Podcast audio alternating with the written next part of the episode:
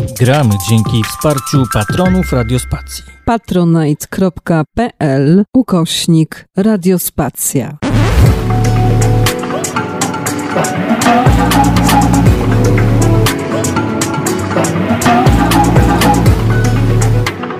Radiospacja. Próbujemy dobić się na wyspę Gozo. No i czasami ten transatlantycki światłowód, jakiś taki niespory w tych łączeniach. Ale na ogół się, jeżeli nie za pierwszym razem, to za drugim albo trzecim udaje. Witaj Piotrze. Dzień dobry, dzień dobry, tak coś przerywa. Witam. Coś przerywa. Jak coś, to zgłaszaj, będę powtarzać dużymi literami. Ja cię słyszę całkiem dobrze. To ja teraz tak oficjalnie. Piotr Ibrahim Kalwas, pisarz, dziennikarz. Rozmawiamy na multum różnych tematów. Ostatnio tkwiliśmy tak dosyć beznadziejnie, tkwiliśmy w rzeczywistości bieżącej. Mówię beznadziejnie, bo troszkę te tematy, które ta rzeczywistość podsuwała i podsuwa, no nie były nadmiernie optymistyczne. I trochę, trochę nas ta ludzkość jak gdyby rozczarowała w ostatnim czasie, więc y, dzisiaj wybieramy się w przyszłość. Taką przyszłość bardziej optymistyczną. Będziemy rozmawiać o transhumanizmie, a ja, żeby rozwiać wszelkie wątpliwości, to od razu Cię zapytam, czym dla Ciebie jest transhumanizm? Bo właściwie co pytany, to inna definicja transhumanizmu. Ja nie mam jakiejś specjalnej definicji transhumanizmu. To jest po prostu jedna z e, dziedzin nauki, która mnie interesuje. Pamiętam, że zainteresowałem się nią, kiedy przypadkowo w ręce wpadła mi książka, no słynna książka Raya Kurzweila Nadchodzi osobliwość. Mm -hmm. Wydana w języku polskim, taka niektórzy mówią, no może nie Biblia, ale, ale taki przewodnik po transhumanizmie, trochę pewno już zdezaktualizowany. No i zacząłem to y, czytać i zacząłem się tym wtedy transhumanizmem bardzo interesować. Ja generalnie lubię wybiegać w przyszłość. Lubię y, jakby mm, czytać wszystko, poznawać, oglądać to, co dotyczy szeroko rozumianej futurystyki, o tak to, to nazwę. Również y, i science fiction, a także mhm. bardziej science. No bo jakże bogate jest science fiction w takie rozwiązania, które potem po latach, dekadach zostają wprowadzone w życie. A ja jeszcze podpowiem tym słuchaczom, którym może ten termin jest obcy.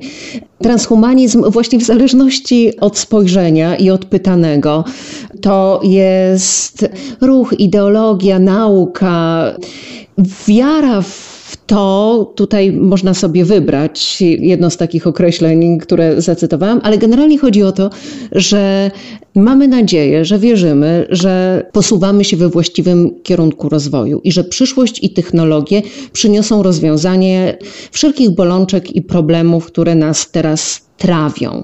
I to dotyczy w zależności od tego, kto wyznaje znowu tę wiarę, przekonanie, naukę, pogląd i tak dalej. Niektórzy twierdzą nawet, że już jest religia transhumanistyczna i może coś być na rzeczy.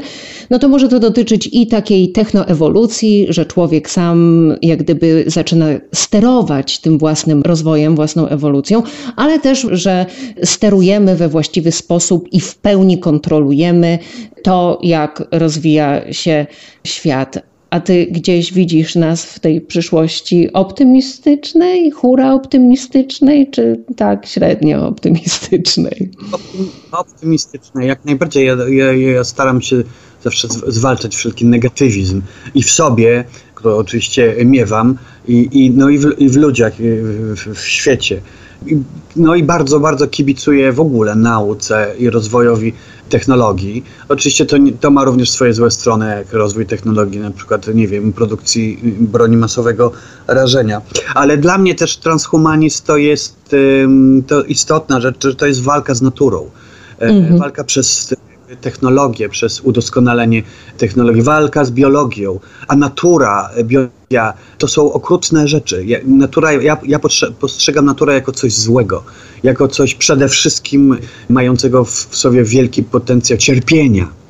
A mm, transhumanizm i w, w swoich wielu, wielu odmianach dąży do jednak perfekt, znaczy do udoskonalenia nie tylko człowieka, tylko w ogóle mhm. życia i tym samym usuwaniu cierpienia. Transhumanizm ma w sobie też silny pierwiastek buddyjski, czyli właśnie takie zapobieganie cierpieniu. I to mnie też do, do transhumanizmu przyciąga. Z tym się też wiąże idea, która szokuje, idea transhumanizmu, która szokuje wielu, to jest idea nieśmiertelności i która wydaje się wielu absolutnym e, wymysłem i niemożliwością, ale wcale nie jest, e, jak się, jak się zacznie czytać o tym, jak pracują naukowcy transhumaniści e, mhm. nad jakby jakie mają plany związane z nieśmiertelnością, nauka, nie, nie, nie, nie pisarze science fiction, to jest niesamowite zupełnie. Niesamowite, jak się zastanowimy nad tym, ile, jak długo żyje człowiek, jaka jest średnia życia teraz, mhm. a jaka była lat temu 100 i lat temu 1000, i to wizja życia po kilkaset lat, długości życia kilkuset lat, jest wcale nie jest bajką a z kolei wizja człowieka, który będzie żył kilkaset lat, to oznacza, że taki człowiek będzie już nieśmiertelny, bo przez te kilkaset lat jego życia nauka pójdzie tak niewiarygodnie daleko, niewyobrażalnie, że on już nigdy nie umrze. Jak się spotykamy wśród transhumanistów z takim, takim, e, znaczy takim jakby stwierdzeniem, że człowiek, który będzie żył tysiąc lat, już się urodził. Nie wiem, czy to e, jest do końca prawda, bo w transhumanizmie jest też dosyć dużo takiej euforycznej przesady. E, mhm. To, tak. Ale coś e, jest na rzeczy. Jeżeli człowiek, który będzie żył powiedzmy kilkaset lat, już się urodził, to znaczy, że on będzie już żył zawsze. No i tak jak wspomniałeś, myśmy podwoili sobie długość życia w ostatnim stuleciu, kiedy Darwin pisał to swoje wiekopomne dzieło o, o ewolucji, mm, o pochodzeniu gatunków, to wtedy w jego kraju, w Wielkiej Brytanii, średnia była tak 44 lata maks. Mówi się, że 42 tak naprawdę. Więc teraz w krajach rozwiniętych, no bo porównajmy to jak gdyby nie jabłka do pomarańczy, tylko jabłka do jabłek, to to jest prawie połowa y, tego, co, do czego spokojnie dobijamy teraz, szczególnie kobiety. Natomiast to, Piotrze, co, co powiedziałeś, ja pozwolę sobie też dla słuchaczy rozwinąć, że nauka, bo rzeczywiście nie są to tylko takie gdybania, szczególnie tu skąd nadaję, czyli z Doliny Krzemowej, gdzie technowizjonerzy, ci wszyscy założyciele tych wielkich technokorporacji, oni już zaczynają czuć oddech kostuchy na karku. Oni zaczynają rozumieć, że już trzeba pomyśleć, jak zapobiegać, jak profilaktycznie nie dopuścić do śmierci i inwestują ogromne fundusze właśnie w takie startupy, firmy y, biotechnologiczne których zadaniem jest przeciwdziałanie śmierci, jak dziwnie by to nie brzmiało. I leży w tym ogromny potencjał naprawdę ogromny, bo już tworzy się i w genetyce, i w dietetyce, i w farmakologii mm, innowacje, które mają szansę dać nam przeżyć x kolejnych lat. I czasami ludzie mówią, a ja bym, a ja wcale nie chciałbym żyć wiecznie. A ja potem, jak się pytam, no dobra, a jesteś gotowy, jeżeli masz te 40 lat, czy dobijasz 40, umrzeć już tu i teraz, bo mm, taka była długość życia, jeszcze nie, to nikt nie jest gotowy. Ty chciałbyś żyć wiecznie, Piotrze? Na pewno. To jest niesamowite. Co, co jest w tym? Jak, jak, to, to, to, co powiedziałaś o tym, że, nie, że całkiem wielu ludzi mówi, oj nie, to nudne, ja nie chciałbym żyć wiecznie. To jest jakieś dla mnie zupełnie niezrozumiałe. Przecież to niesamowite jest żyć wiecznie. Znaczy, niesamowite jest po prostu wspaniałe, jest nie umrzeć, być zawsze. To, e, to jest e, coś, co trudno mi jakby uwierzyć, że ktoś tego może nie chce. Dlaczego? To trzeba być rzeczywiście bardzo negatywnie nastawionym w ogóle do rzeczywistości. Ale jeszcze jedna rzecz. Ty powiedziałaś, że kiedy Darwin tworzył, działał, to średnia życia w Wielkiej Brytanii była 40 trochę lat, mhm. ponad, ale ta sama, ja chciałbym jeszcze, tak, ta, tak było, ale chciałbym jeszcze dodać, że prawie taka sama średnia życia w Wielkiej Brytanii była w średniowieczu. Czyli przez te kilkaset lat, przez, przez, przez prawie, przez prawie ty, no nie wiem, kilkaset, 700, 800 lat, ta średnia się poprawiła raptem o dekadę.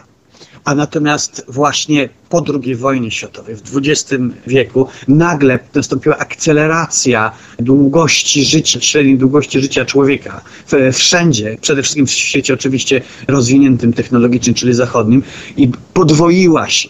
Więc to, jak ona się podwoiła na tym poziomie nauki jak i, i technologii, jaki, jaki znamy i posiadamy przez ostatnie kilka dekad, to jest po prostu tylko i wyłącznie przykład tego, jak niesamowicie teraz przyspieszy. Jeśli oczywiście jakiś Putin ten czy inny nie zniszczy świata. Bo tak na, na, na marginesie wszelkie działania tradycjonalistów, które, które, szeroko też rozumianych, bardzo agresywnych, którzy mm, walczą z nowoczesnością, również skupiają się na walce, również przeraża ich jakby transhumanizm.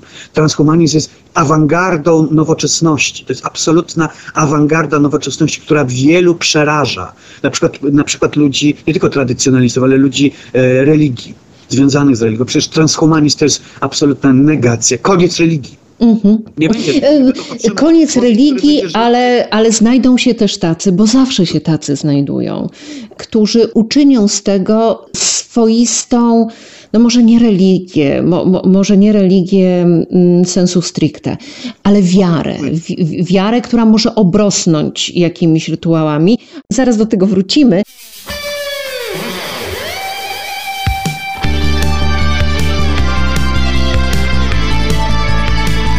Radiospacja.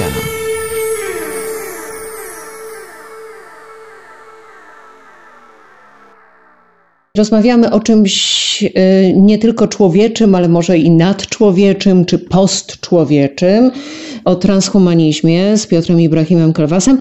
Mówiliśmy, że to ruch, ideologia, nauka.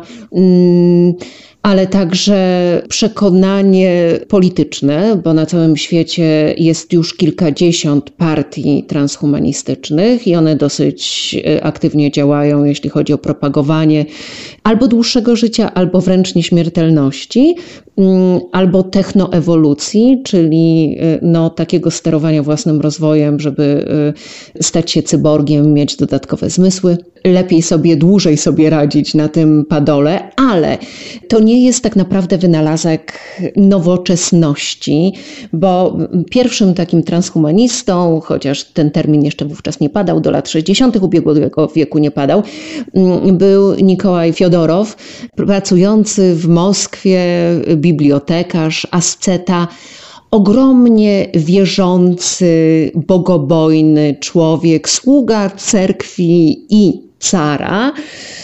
I on potrafi połączyć wierzenie w nieśmiertelność, i to taką nieśmiertelność, o, o, której Piotrze mówiłeś przed chwilą, że nie, że tam troszkę dłuższe życie, tylko nieśmiertelność, nieśmiertelność, a także zmartwychwstanie.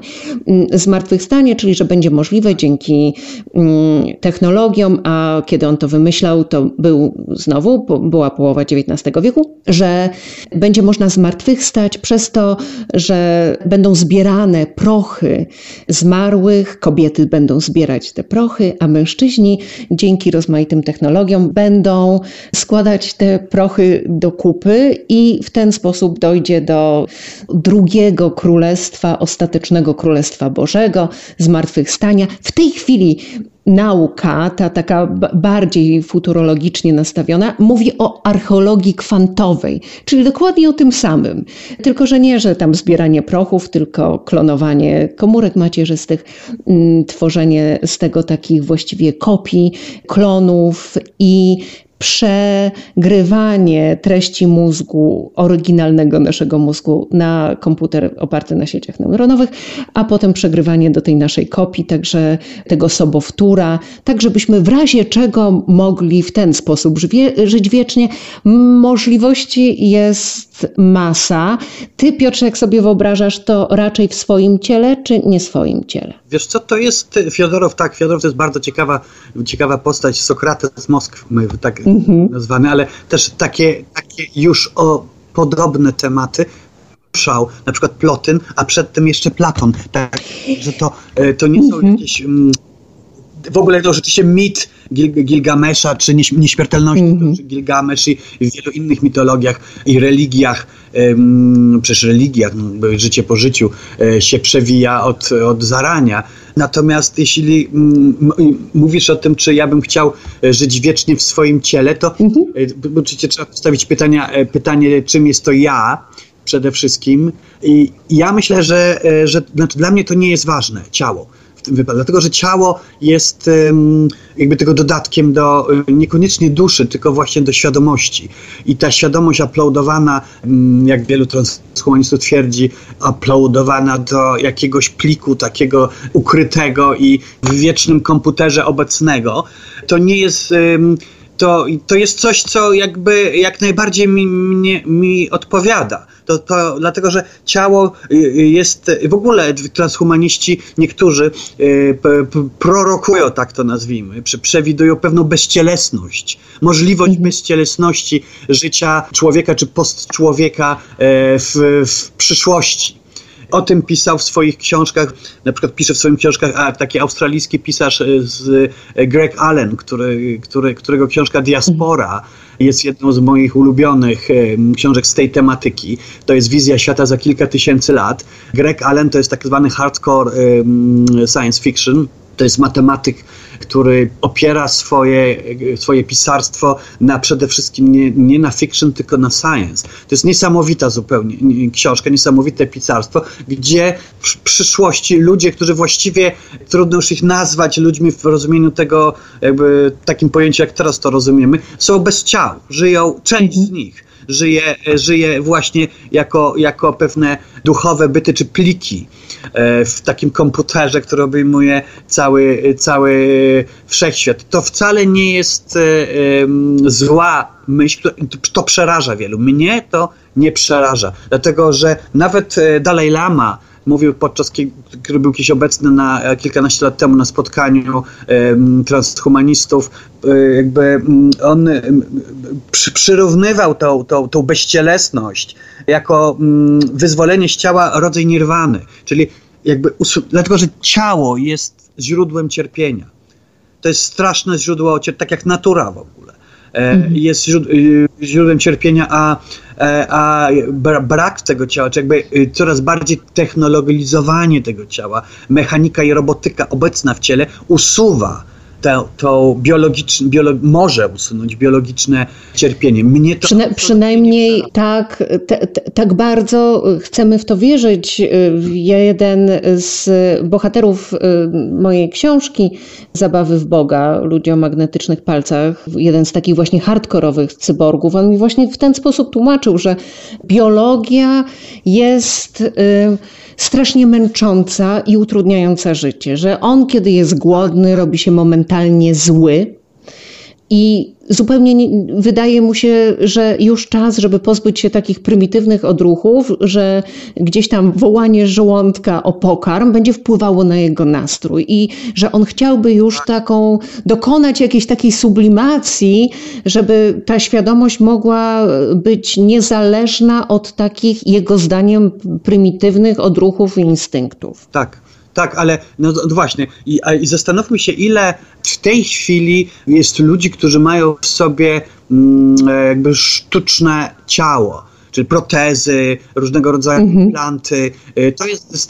to stanowi kilka, czasami kilkanaście procent, jak ktoś ma na przykład dwie protezy. Czy, czy, czy, to, czy jest w tym jakieś ograniczenie, żeby za lat kilkadziesiąt człowiek składał się w dwóch trzecich na przykład z um, urządzeń, technologicznych, komputer, komputera. Mhm. A w przyszłości dalszej jeszcze bardziej.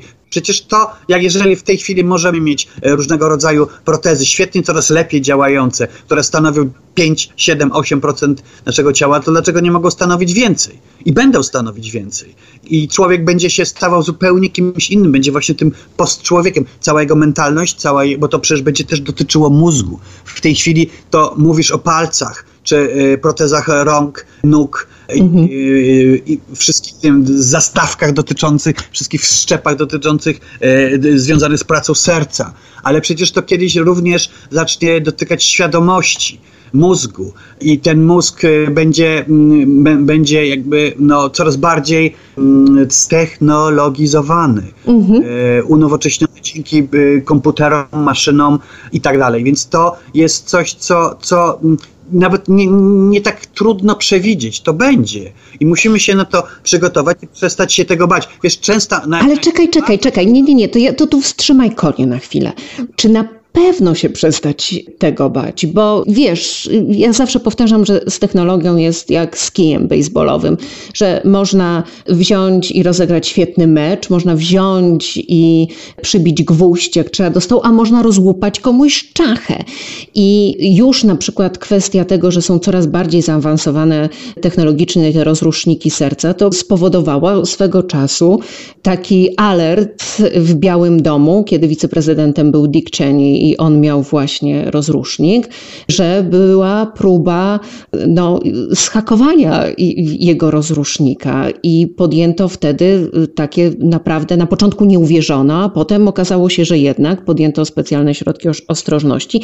No akurat Dick Cheney nie jest moim ulubionym politykiem, więc, więc tutaj jakoś się tam nie, nie przejęłam, ale takie zagrożenie może być, a z mózgiem jeszcze bardziej. No ale to jest takie, to tak samo można porównać z zagrożeniem, jakie dla wielu kiedyś stanowiła żarówka.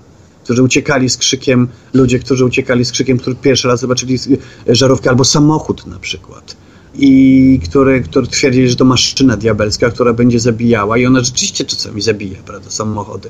Tak samo mhm. będzie, no ale to nie, nie, nie, oznacza, że można wstrzymać i nie da się wstrzymać. No. Ale wiesz, to nawet nie chodzi o, taki, o takich neoludystów, którzy będą, e, tak jak kiedyś e, z, z, z widłami na Krosna, to e, w czasie rewolucji przemysłowej to będą atakować, tak jak było parę lat temu w San Francisco, autobusy pełne pracowników branży IT jadących do pracy w Dolinie Krzemowej.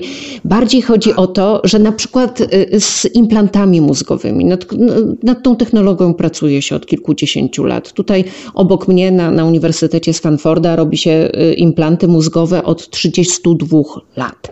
Robi się z powodzeniem, pomaga się w ten sposób chorym na choroby różne neurodegeneracyjne a potem przychodzi y, y, Elon Musk i zaczyna trochę tam mieszać, bo z jednej strony on ma fantastyczne różne pomysły, a z drugiej strony ma okropne niektóre pomysły.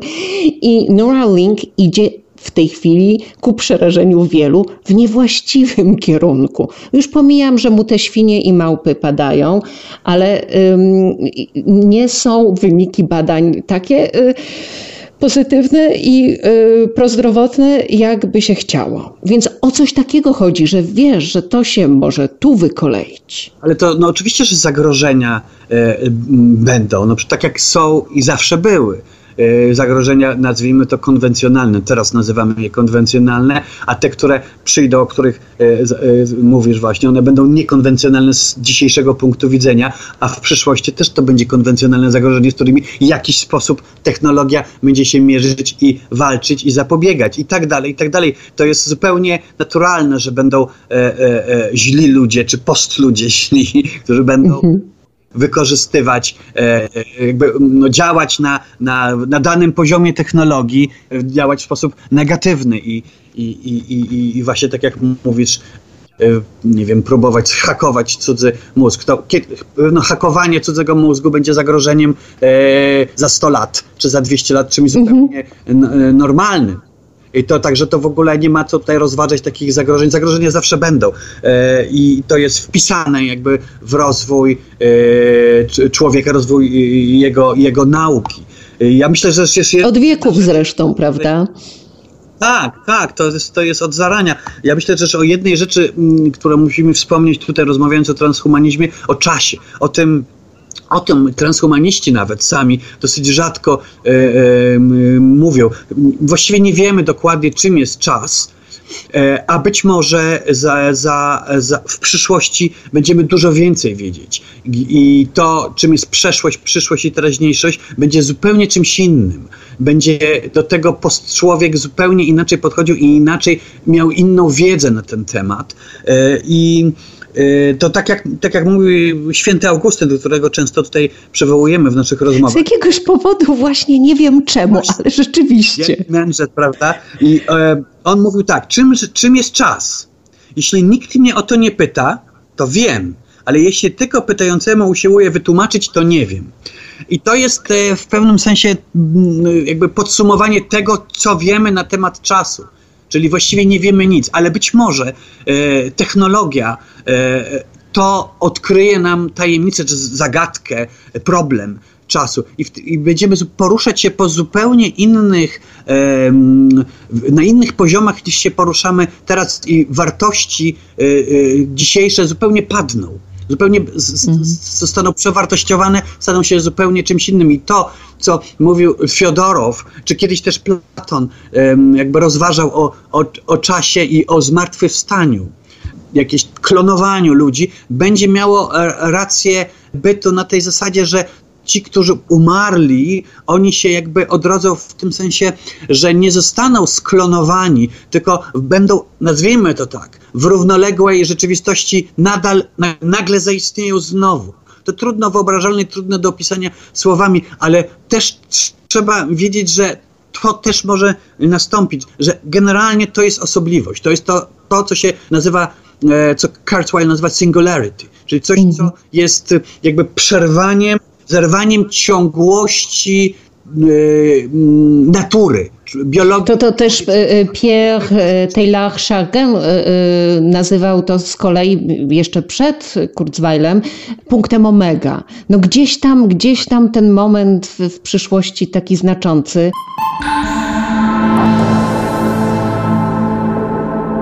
Radio Spacja.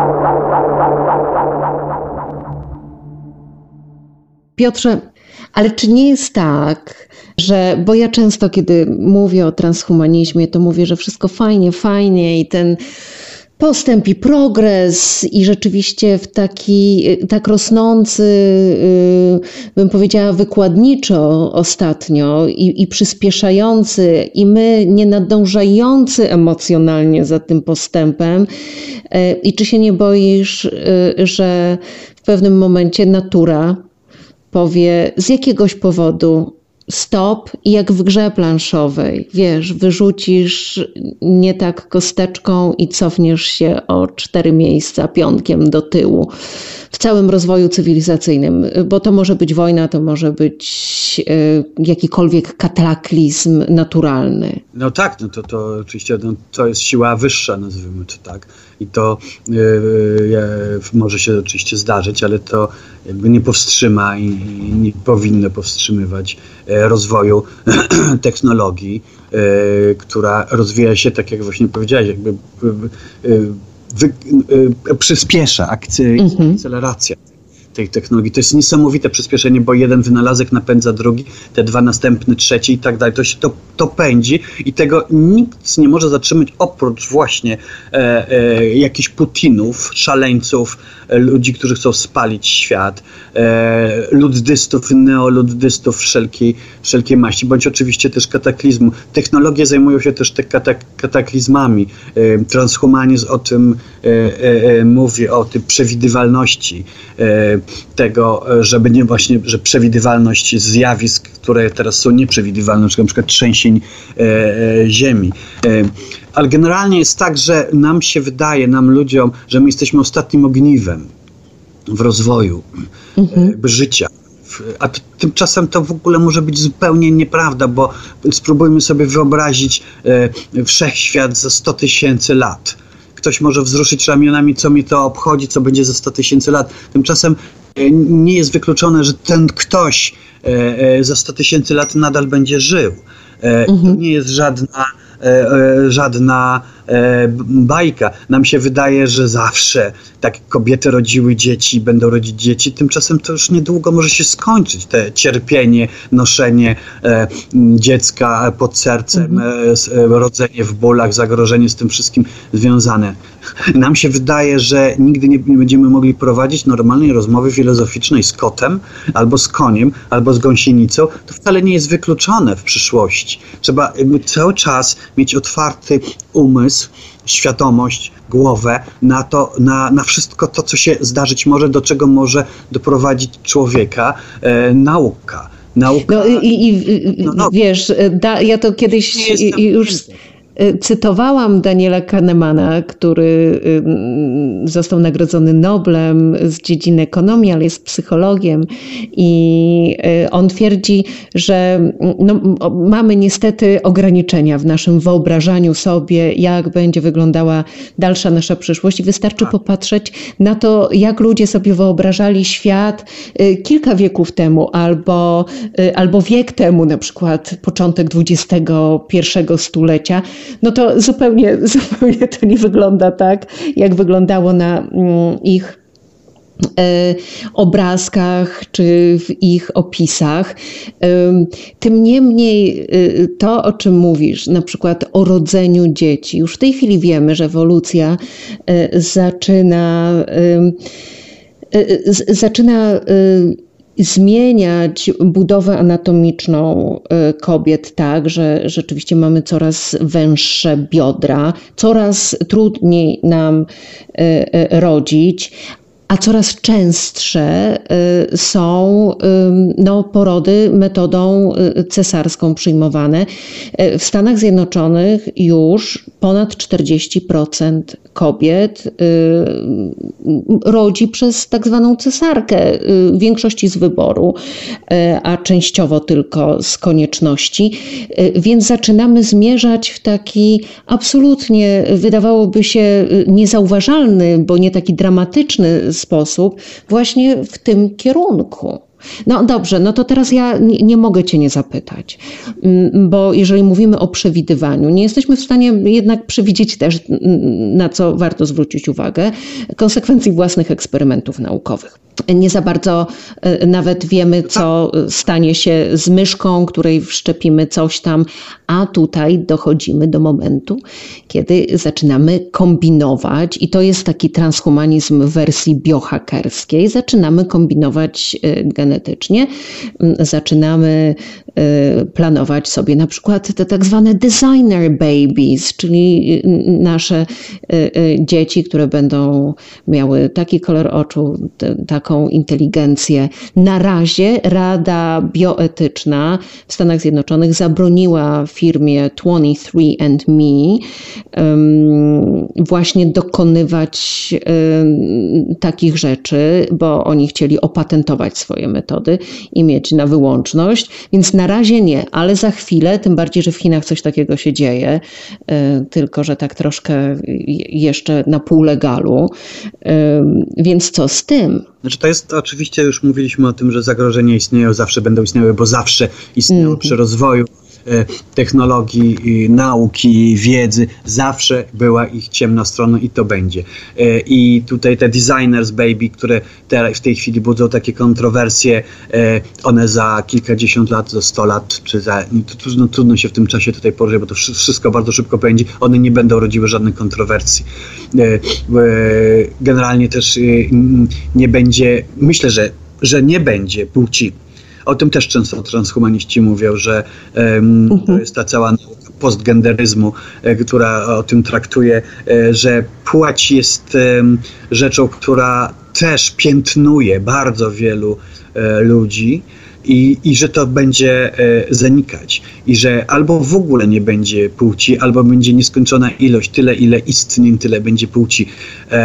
To jest też coś, co przeraża, E, e, no, oczywiście ludzi religijnych, ale także takich bardziej o konserwatywnych, e, konserwatywnym oglądzie świata, ale to będzie jakaś norma.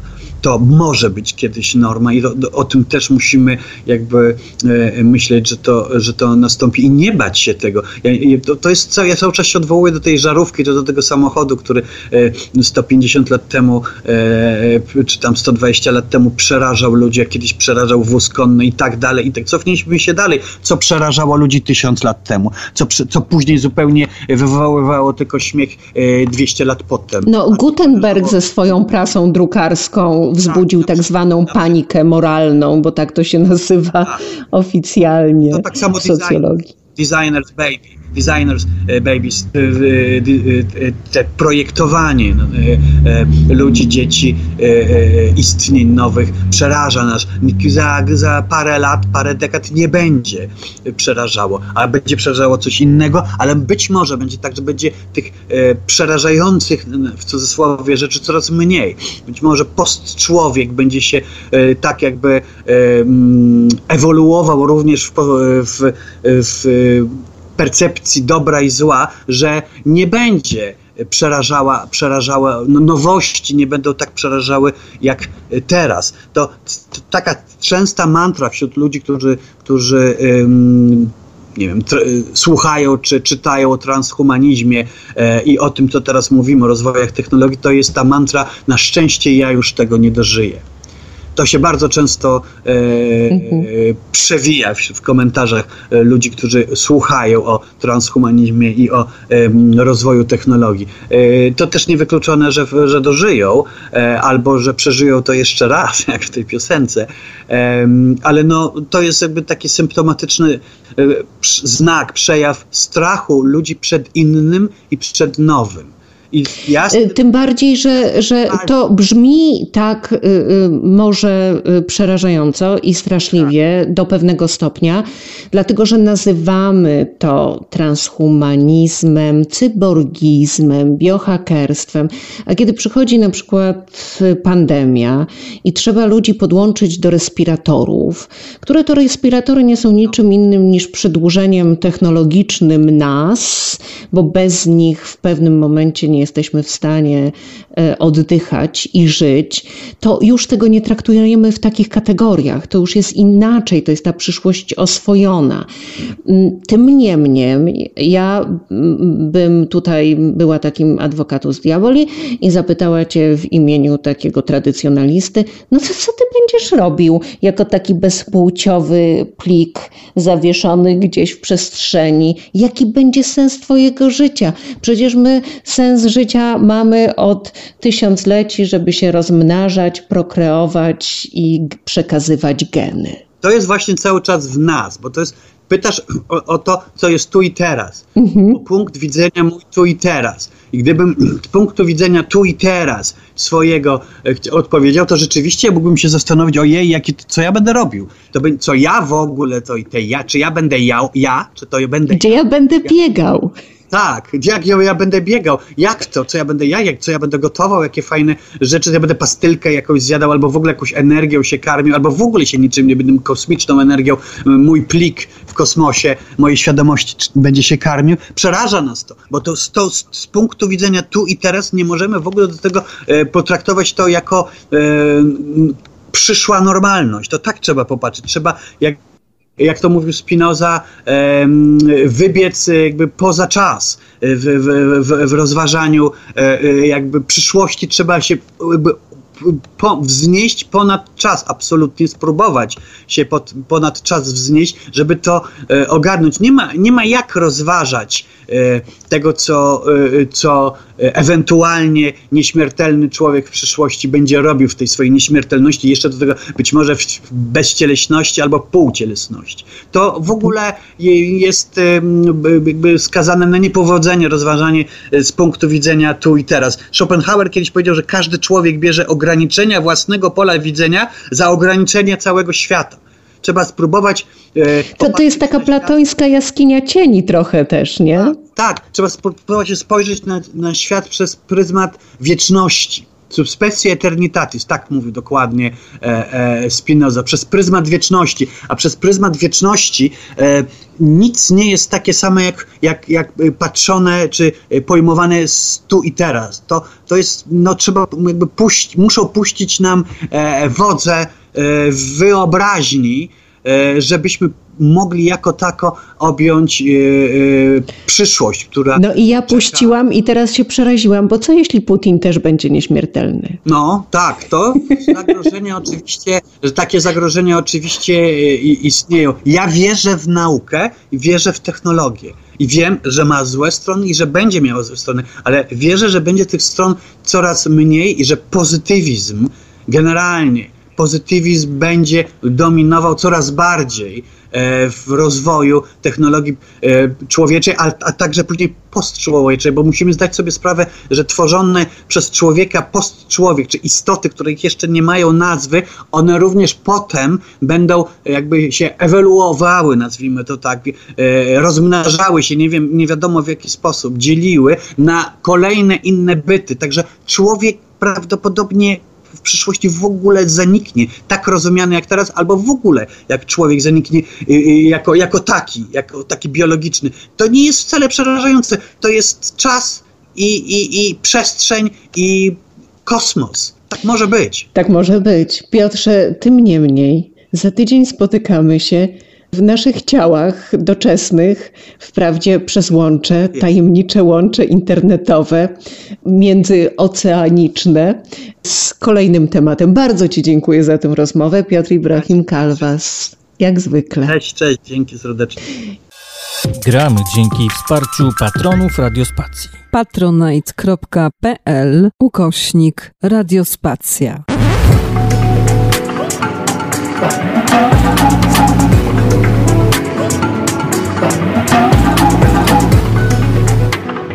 Radio Spacja.